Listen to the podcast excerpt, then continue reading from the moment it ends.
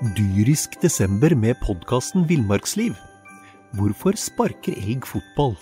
Og hvor ligger hoggormen om vinteren? Og hva er grunnen til at bjørnebinna har seg med alle hannbjørnene i området?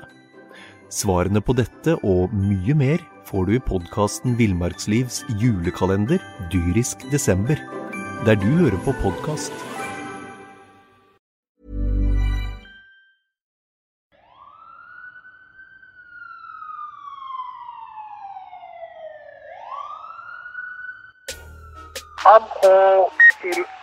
811-821 rød respons, eh, mulig stans eh, Porsgrunn. 811 svarer. Ja, vi får melding om mulig stans eh, i en bil i Porsgrunn.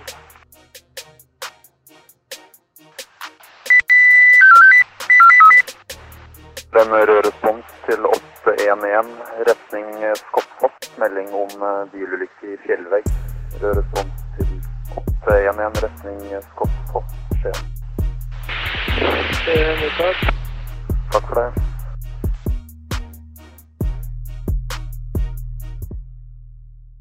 Du hører på Thea Dokumentar, en podkastserie av Telemarksavisa. Laget av Juni Vendelin Fasting og Erik Edvardsen. Dette er episode to av to av Han som aldri sover.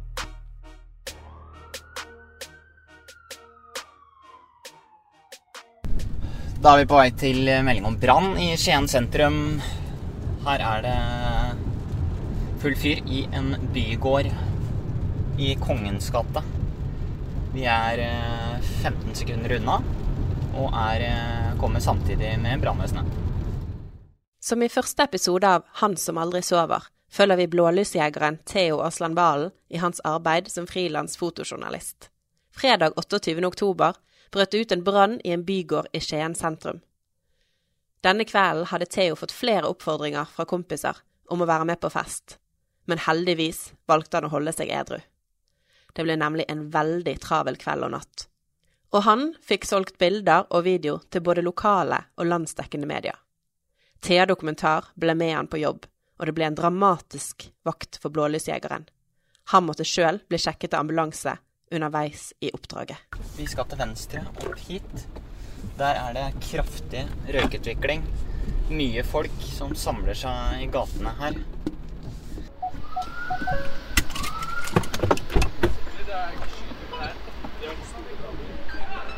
Sånn. Da paffer vi med oss kameraene og går ut. Hva skjer? Veldig mye folk som eh, lurer på hva som skjer i området her.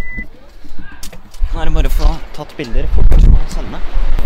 Det brenner masse. Politiet jager vekk folk på stedet. Mye røyk på stedet her. Så er det en som forteller at det ikke er første gang det brenner.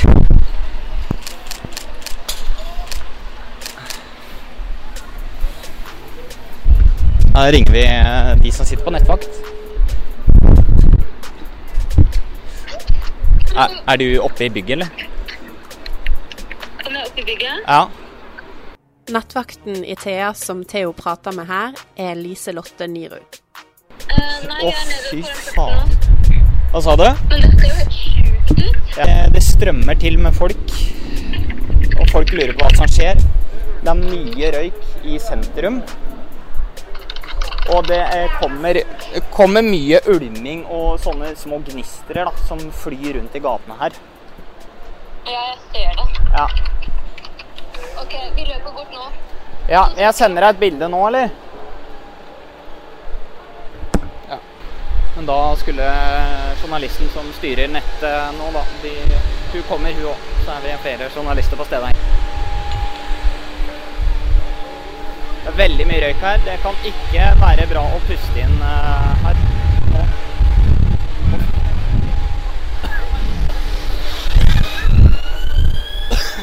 Kommer det flere politibiler på stedet her?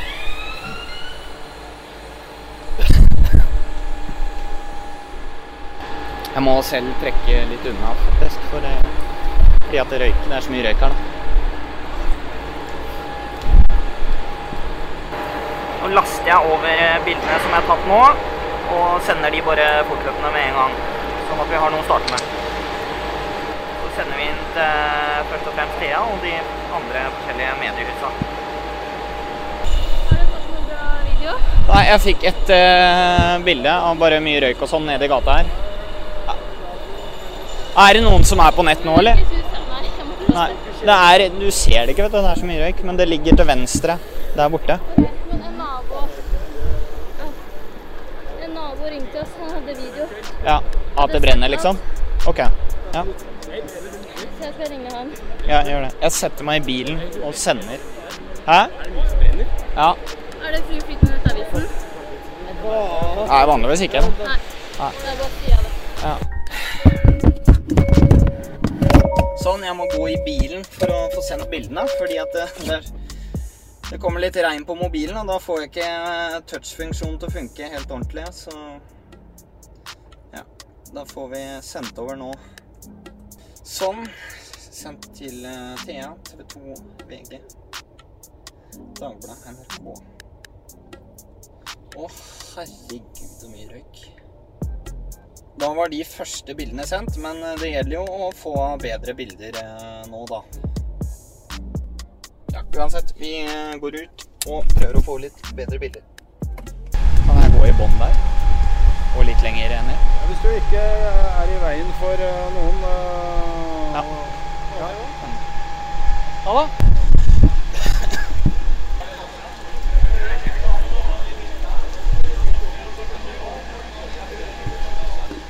Vi får ringe redaksjonen igjen her. Eh, eh, det er en eh, trebygård. En bygård av tre. Tre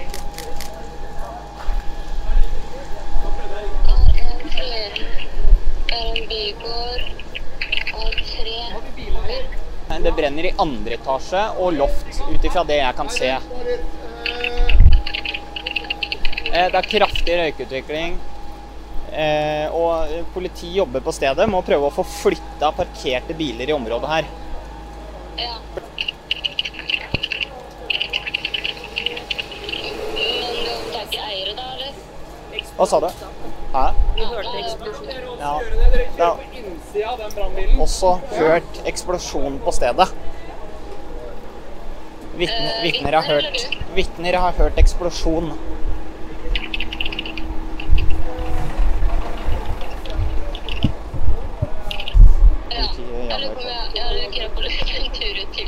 Ja, men nå har jeg tatt litt bedre bilder. Skal jeg bare sende de først? Ja, ja, da kan jeg få lagt på de. Og så venter jeg på å få video fra han naboen. Ja, og jeg har en kul video. Jeg, jeg sender det nå. Ja, ok, nei. Ok, ha det. Ha det. Unnskyld? Nå passer deg litt så vi bare slipper eh, Ja. bilene fram. Fy faen, jeg får jo ikke Jeg får ikke skrevet mobilen. Å, herregud. Nå håper jeg jo også på å få solgt noen riksmedier, da. Sorry, det nye bildet og videoen. Nei, sorry, jeg holder på å skrive. det. Ja, det, det ble litt kult, det nye bildet i hvert fall. Sleng det på, og så er videoen klar. Så det er jævla dritt at det regner, ass. Det gjør det vanskelig å trykke på mobilen, så jeg får, får nesten ikke lasta inn noen bilder og eh,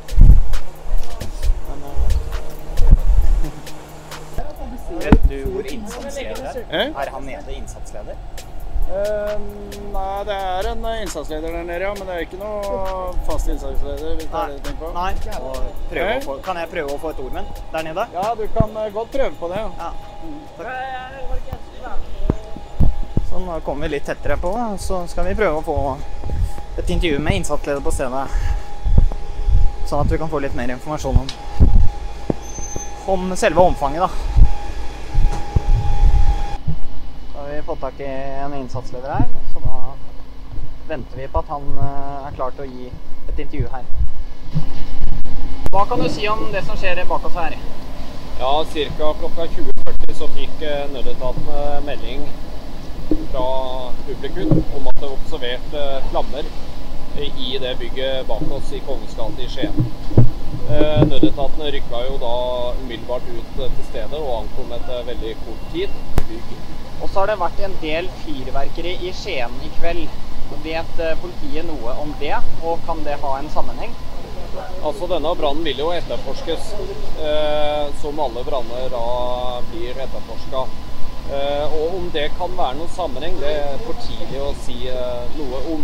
Men det er jo naturlig å undersøke det også, om det kan være en sammenheng. Er politiet kjent med fyrverkeri i kveld? Politiet er kjent med at det er rapportert om noen som har bedrevet med fyrverkeri i Skien tidligere. Ja, da har vi fiksa intervju med innsatslederen her. Så da er det bare å få videreformidla den informasjonen til redaksjonen. Som får det ut igjen på nett. Så jeg har blitt litt uvel og kvalm.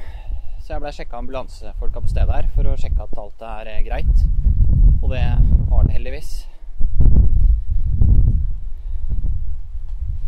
Og det er flere som har pusta en røyk her. Og nå har en dame falt om midt i rundkjøringa her, så det er ganske kaos her, kan man si. Mange fulle folk som kommer og har lyst til å se på.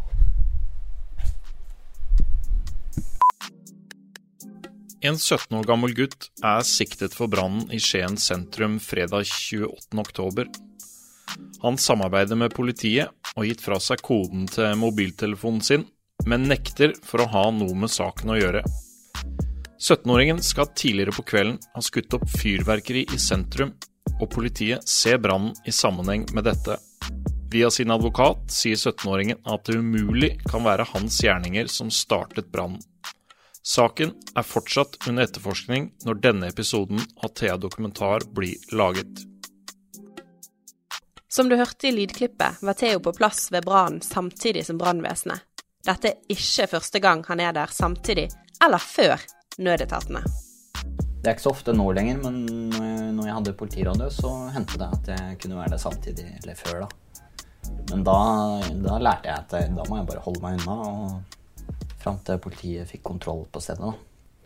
En gang så kom jeg veldig tidlig på en fyllekjøring. Det var en fyllekjører som hadde kollidert i Bamble og kom dit før politiet. Eh, og han så meg med kamera, og da ble han kjempeforbanna. Og sa at han skulle komme og ta meg hvis jeg tok noen bilder. Da trakk jeg meg unna, da, og så kom eh, politiet. Og da skjønte jeg ikke okay, nå er det safe, så da kunne jeg ta bilder. Han var sikkert redd for å bli gjenkjent, men uh, det er ikke alle som vet at uh, vi må jo sladde de når vi legger ut bilder. Så du tok bilder selv om han truet deg først? Ja da, jeg tok bilder. Var du redd for at han seinere skulle komme og ta deg? Nei. Men hva tenker egentlig nødetatene om at frilansfotografen stadig dukker opp eh, der de er, noen ganger til og med før dem? Vi spør innsatsleder ved Sør-Øst politidistrikt, Marius Dale. Vet du hva, Jeg ser på det som helt uh, uproblematisk. Uh, han uh, Jeg har i hvert fall inntrykk av at han har et veldig bevisst forhold til sin rolle. og så ser jeg også at han har en del smarte løsninger, f.eks. med trafikkulykker hvor det danner seg lange køer og utfordringer i trafikken, så, så, kjører nok han så langt han kommer. Og så har han en sånn eh, sparkesykkel eh, i bilen som han tar langs med, med køene og, og, kommer seg helt frem. Så han, han, han, har nok lært seg noen triks opp igjennom som gjør at han kommer tett på på et riktig tidspunkt. da. Så øh, opplever det som helt uproblematisk at han er tidlig på, og kanskje samtidig som oss noen ganger også, faktisk. En annen hendelse jeg husker godt, er jo brannen på Osebro galleri og Kaffe K. Det var en storbrann i Porsgrunn for noen år siden. Da eh, var jeg i Porsgrunn.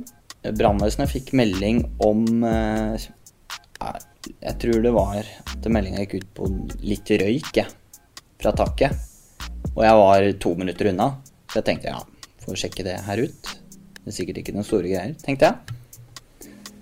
Så jeg kommer dit samtidig med brannvesenet, og vi ser at det ryker fra taket, da. Jeg ser det, og brannvesenet ser det, og de starter å slokke. Men det sprer seg veldig fort. Så bare noen minutter seinere så står liksom hele taket i brann, da. Og det her er jo noe mange i Porsgrunn eh, ser. Og Røyken og brannen det sprer seg veldig fort. Det starta jo ved galleriet på Osebrå. Og så sprer det seg ned også til Kaffe K, eh, der de har en scene. Sånn konsertlokale. Og det kommer strømme strømmer på med brannfolk fra hele Grenland. Fra Skien og Porsgrunn. Bamblå, kanskje. Røde Kors kommer med sin branngruppe. Og kommer mye politiambulanser, og de sperrer av hele gata. Jeg ser at det velter masse røyk ut fra bygget. Det blir en veldig stor brann, da. Og jeg husker at eh, brannvesenet skriver på Twitter at eh, det er en stor brann i Porsgrunn. Da får jeg mange telefoner fra flere mediehus rundt i landet som har lyst på bilder derfra. Jeg tror jeg snakka i telefonen eh, konstant i flere timer. Så åkte jeg til VG, TV 2, NRK, Dagbladet, Thea, PD. Hvor lenge var du på jobb eh, da? Da jobba jeg i mange, mange timer. For du har ADHD, Theo. Hva betyr den diagnosen for deg? Jeg har veldig mye energi. Eh, jeg kan, eh, jeg kan jobbe i 20 timer jeg, i løpet av et døgn uten å merke at jeg er trøtt engang. Hvis, det er en, eh, ja, hvis det er en dag det skjer mye, da, flere oppdrag, så farter jeg rundt i mange timer. Så det er ikke noe dumt med ADHD. Ser du på det som en, rett og slett som en fordel? Ja. Det er en fordel. Men selvfølgelig, hvis jeg det er no, Hvis det er ting jeg liker, da, da er ADHD en fordel. Hvis det er ting jeg syns er litt kjedelige, da blir det for meg ekstremt kjedelig og veldig vanskelig å følge med. F.eks. på skolebenken. Da sliter jeg med å holde fokus. For du må gjøre ting som opptar deg, for at du skal klare å putte energien inn i det? Ja. At Theo har mye energi, det har mamma Ulla sett helt fra han var en liten gutt. Uh, han var jo en uh, artig, aktiv type, kan jeg si. Uh, veldig aktiv. Han fant på litt sånn spillopper. og han begynte jo på skolen da han var fem år, så han var veldig ung når han begynte på skolen, og kanskje ikke helt moden for å begynne på skolen. Det var vel akkurat i det reformskiftet når eh, seksåringene skulle begynne på skolen. Så um, han var kanskje ikke helt klar for det, da. Men uh, som uh, liten så fant jo han på Han har alltid vært en veldig, veldig kreativ type. Um, liksom tatt i og ordna opp sjøl og tatt initiativ og Um, mamma fortalte meg her om dagen Eller det var jo ikke en ny fortelling, men hun snakka liksom med Theodor eh, om eh, når han var der når han var liten, så skulle han alltid ommøblere eller finne på noen sånne store prosjekter. da. Så da var det bare å komme seg opp veldig tidlig, eh, fordi at det var alltid noe på gang, liksom. Når han ble større, så var det sånn eh, når han begynte å være aleine hjemme fra skolen, eller etter skolen når jeg var på jobb, kom jeg da hjem, så var det ganske ofte Det var igangsatt eh, et eller annet som jeg kanskje sukka litt over da. Da var det enten baking og mel over hele huset. Dyrisk desember med podkasten Villmarksliv. Hvorfor sparker elg fotball? Og hvor ligger hoggormen om vinteren? Og hva er grunnen til at bjørnebinna har seg med alle hannbjørnene i området? Svarene på dette og mye mer får du i podkasten Villmarkslivs julekalender dyrisk desember, der du hører på podkast. Huset eh, fant på mye rart, rett og slett. Eller kreativ, da, heter det. Kreativ type. Det er han ennå. Har du flere eksempler på hva han kunne ha funnet på når du kom hjem? Ja. Eh, noen ganger så gikk jo brannalarmen på full speed. Dører og vinduer åpne, røyken ut. Jeg husker en gang Theodor kom ut i dress, og alarmen på, da. Naboene liksom flokka seg til. Jeg bare Å, herregud, hva er det her? Eh, Men da hadde jo han laga vafler og kokt kaffe til noen som klipte plen på utsida, som han solgte, da, vel å merke, til de for å tjene penger. Så han var veldig sånn smart, fant på lure, lure ting, da. I dress? Mm. I dress, ja. Han likte veldig godt i en sånn spesiell dressjakke, husker jeg, som jeg kjøpte. Så den gikk han veldig mye med. Du solgte Ja, hei, det Ditt TV? Mitt TV, det solgte Theodor. Mm. Ja, men da hadde vi ikke TV, da? Jo, men jeg hadde kjøpt et sånt TV, så jeg tenkte jeg skulle gi det til mamma. Nei, ja, det var solgt, det. Ja, okay. Mm. Mm. Ja, det er jo ledig, det TV her. Jeg det. Hvor gammel var han da? da? Ja, 16-17. Ja, det var jo større, da. Ja. Mm. Mm. Men jeg husker jo når du var eh, Da var du ganske liten. Da var du fem- ja, fem-seks år. Eh, så jobba jo pappaen med Kystlink. Eh, det var sånn ferje her til Danmark. Og da var jo vi veldig mye fram og tilbake der, da. Det som Theodor gjorde, vet du, eh, på kaia der, ferjeterminalen, han forta seg inn. forta seg inn og hente sånn reklamedrops. og så da stjal du kaffe da, fra kaffekanna der inne på venterommet. Så gikk du ut og solgte det til de som De som sto i ferjekø. Stjålet kaffe og drops? som blir liksom. Mm. Skal det være drops? En krone. Kortstokk og. Jeg solgte alt jeg hadde på kontoret, egentlig. Reklameartikkel. Pass på tinga der, skjønner du. Businessman, altså. Ja, ja, men han var jo veldig tidlig i det også. Uh, hadde sansen der. Mm. Som du nå har hørt, Theo han var full av morsomme påfunn, og han var en liten gründer allerede som barn. Men når Theo kom til videregående alder, så gjorde energien og ADHD-diagnosen at det ble vanskelig å henge med på skolen. Han trivdes ikke i klasserommet. Det var for tungt, og det gikk for tregt. Theo droppet ut av videregående. Ikke bare én, men to ganger. Jeg starta på videregående etter ungdomsskolen. Starta på mediekommunikasjon, for det var liksom min greie, da.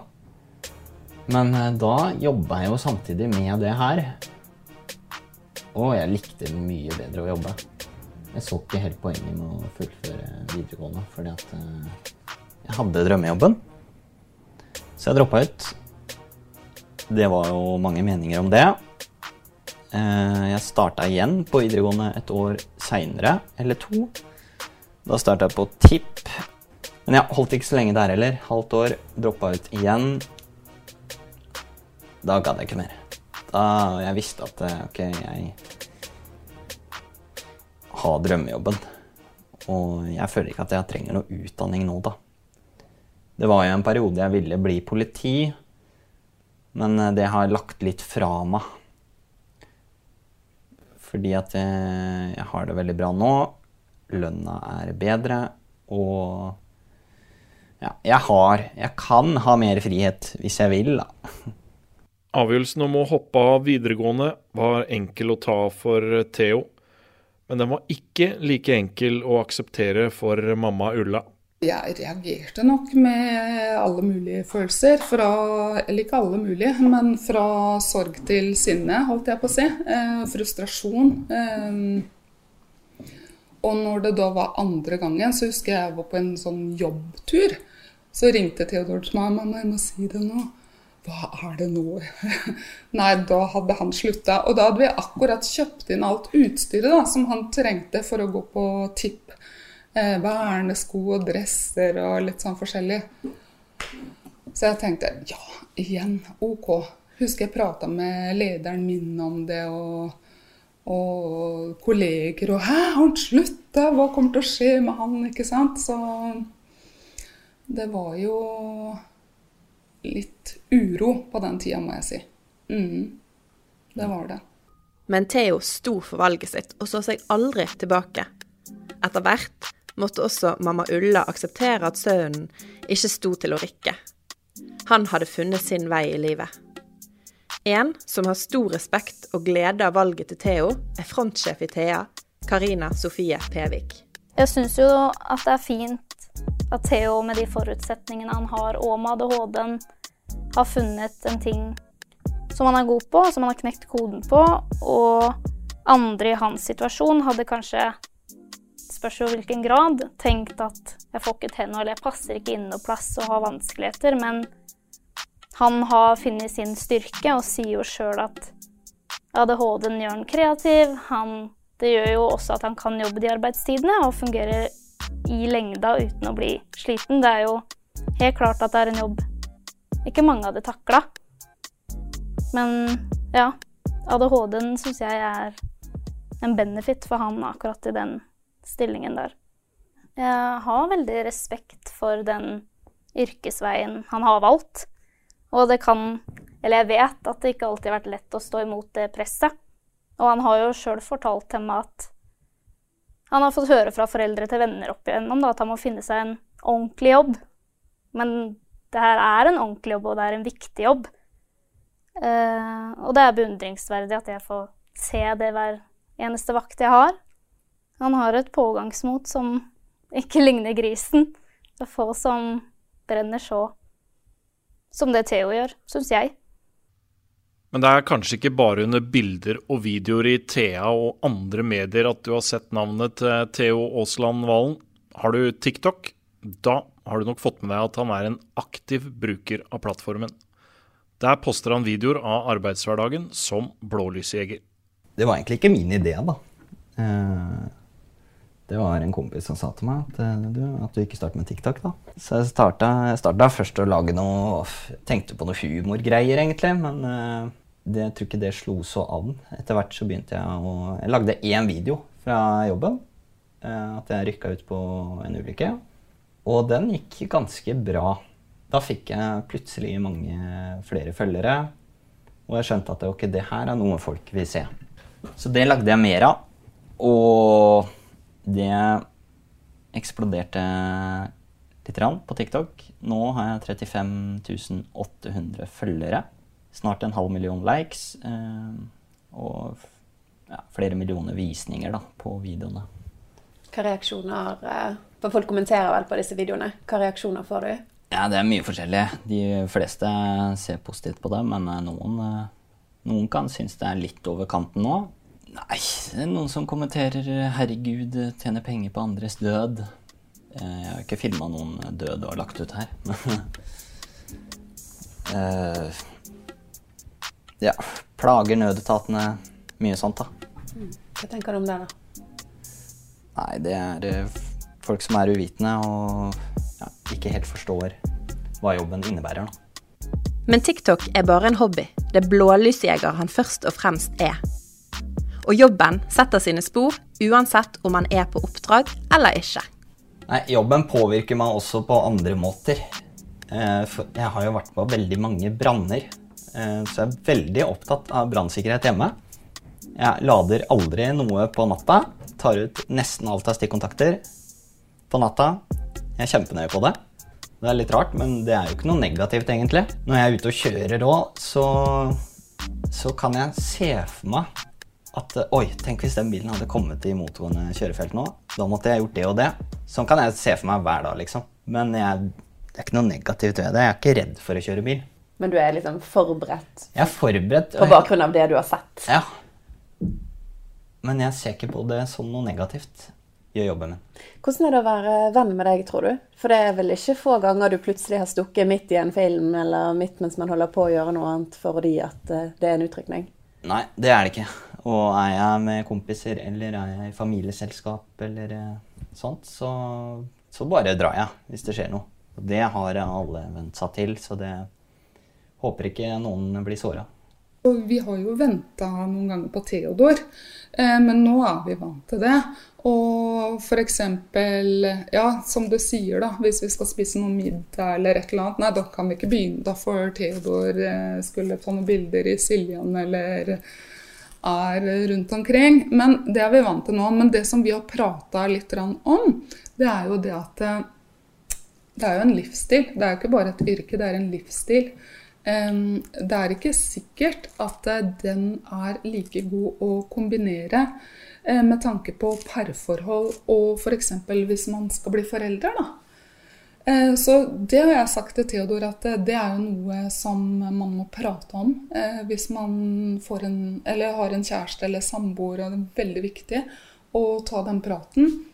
Og eh, det er også noe man må tenke på framover. Er det det jeg skal gjøre hele livet på denne måten, eller går det an å gjøre det på en annen måte?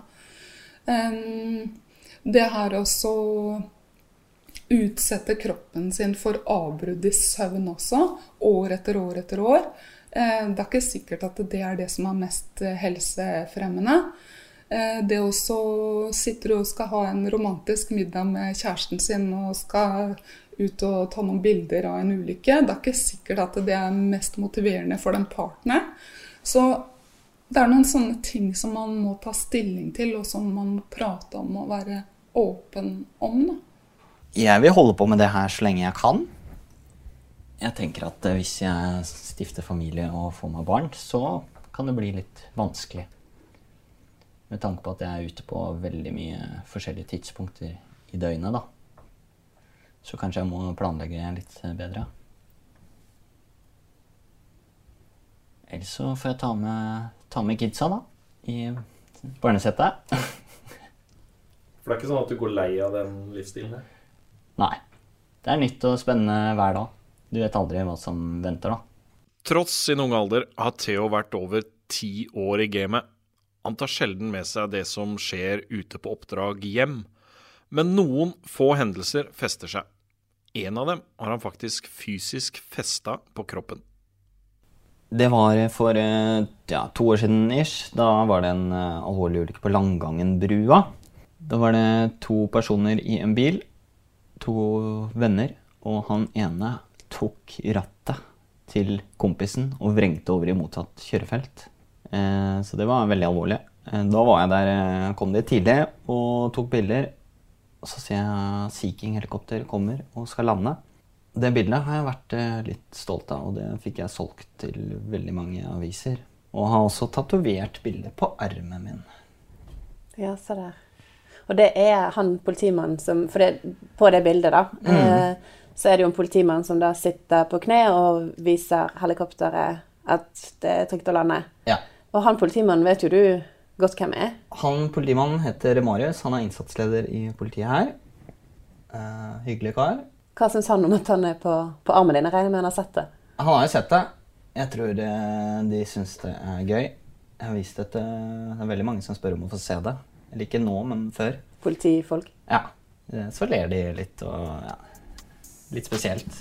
Mm. Jeg tror ikke det er så mange andre journalister som har tatovert en politimann på armen. Jo, det, det er jo litt eh, Det blei jo artig, det. Eh, Jeg var på et skadested eh, hvor historien bak den tatoveringa Sånn sett handler det vel egentlig om at jeg skulle trekke et sperrebånd for å unngå at vi hadde for mange tilskuere tett opp til skadestedet. Og der treffer jeg bl.a. Theo. Og så sier jeg Theo, det er hit, men ikke lenger, eller noe tilsvarende. Og samtidig som, eh, som jeg var i kontakt med Theo og et par andre journalister, mener jeg det var, så, så registrerer jeg redningshelikopteret, Sea Kingen, som eh, er i ferd med å lande. Og det var ikke der vi hadde avtalt å ta ut en landingsplass for eh, redningshelikopteret. Eh, Så det endte jo med at jeg måtte gi eh, Theo eh, denne rullen med sperrebånd, og ba han trekke dette sperrebåndet over E18 og, og holde seg på motsatt side av der jeg sto. Og mens jeg tar ned dette redningshelikopteret, samtidig som Theo har trukket dette sperrebåndet, så registrerte jeg i hvert fall sånn i ettertid knipsa noen bilder. som ble en sånn farsott i media. I hvert fall ut fra den spesifikke hendelsen. Eh, for det første så ble jo det blei jo egentlig et ikonisk bilde, eh, som for meg symboliserer egentlig et samvirke mellom nødetatene på et skadested. Eh, samtidig som det er jo en, et, et minne om det oppdraget jeg var på. Det er ikke et bilde av meg, men det er jo et bilde av selve hendelsen, hvor tilfeldigvis jeg er her. Eh, som han tok en tatovering av. Eh, så dette begynte Jeg ble oppmerksom på den tatoveringa via TikTok. Eh, og, og det blei jo en sånn artig greie på, på politivakta her i Grenland da, at uh, Theo hadde tatovert bilde av meg, selv om det er bilde av hendelsen. Så vi har jo selvfølgelig hatt en artig greie med det, og jeg har også snakka med Theo noen ganger og fått studert tatoveringa hans. og det er et bra bilde, og så er det jo en helt grei tatovering. Og så er jeg på armen til Theo. Det, det tar jeg med et stort smil. Mm. Eh, har det bildet, Henger det hos politiet òg, eller? Eh, det bildet henger eh, på veggen hos oss. Eh, mest pga. det vi sa, eller jeg sa om at eh, det, er, det var et veldig bra bilde som, som eh, viser egentlig virkeligheten av det vi driver med i mange oppdrag. Og samvirke på et skadested. vår jobb betyr lite hvis ikke vi har et samarbeid med bl.a helse- og, og, og brannvesenet, blant andre. Så det, det er et gjensidig avhengighetsforhold for å få flyten til å gå et skadested på en mest mulig effektiv måte, samtidig som man skal jo gjøre sitt for å redde liv og, og helse på de som er involvert i en uh, ulykke, f.eks. Så, så bildet har en hedersplass på det vi kaller piketten på politihuset. Det er vårt oppholdsrom da. Så det, det har fått en hedersplass på veggen der.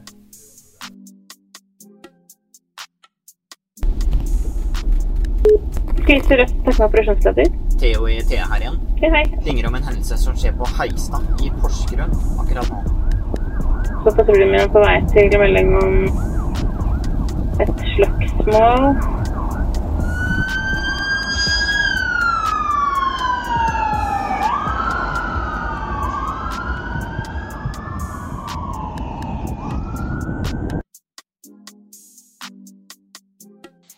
Ambulanse 822, kan dere ankomme? 822 ferdig.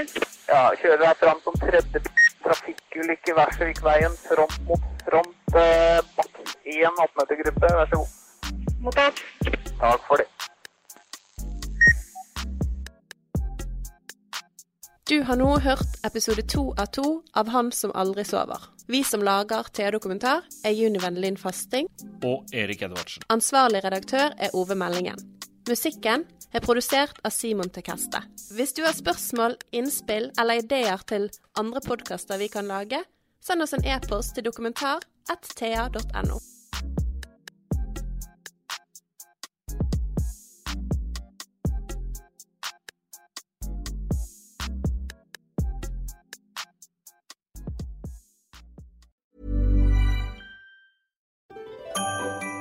Dyrisk desember med podkasten Villmarksliv.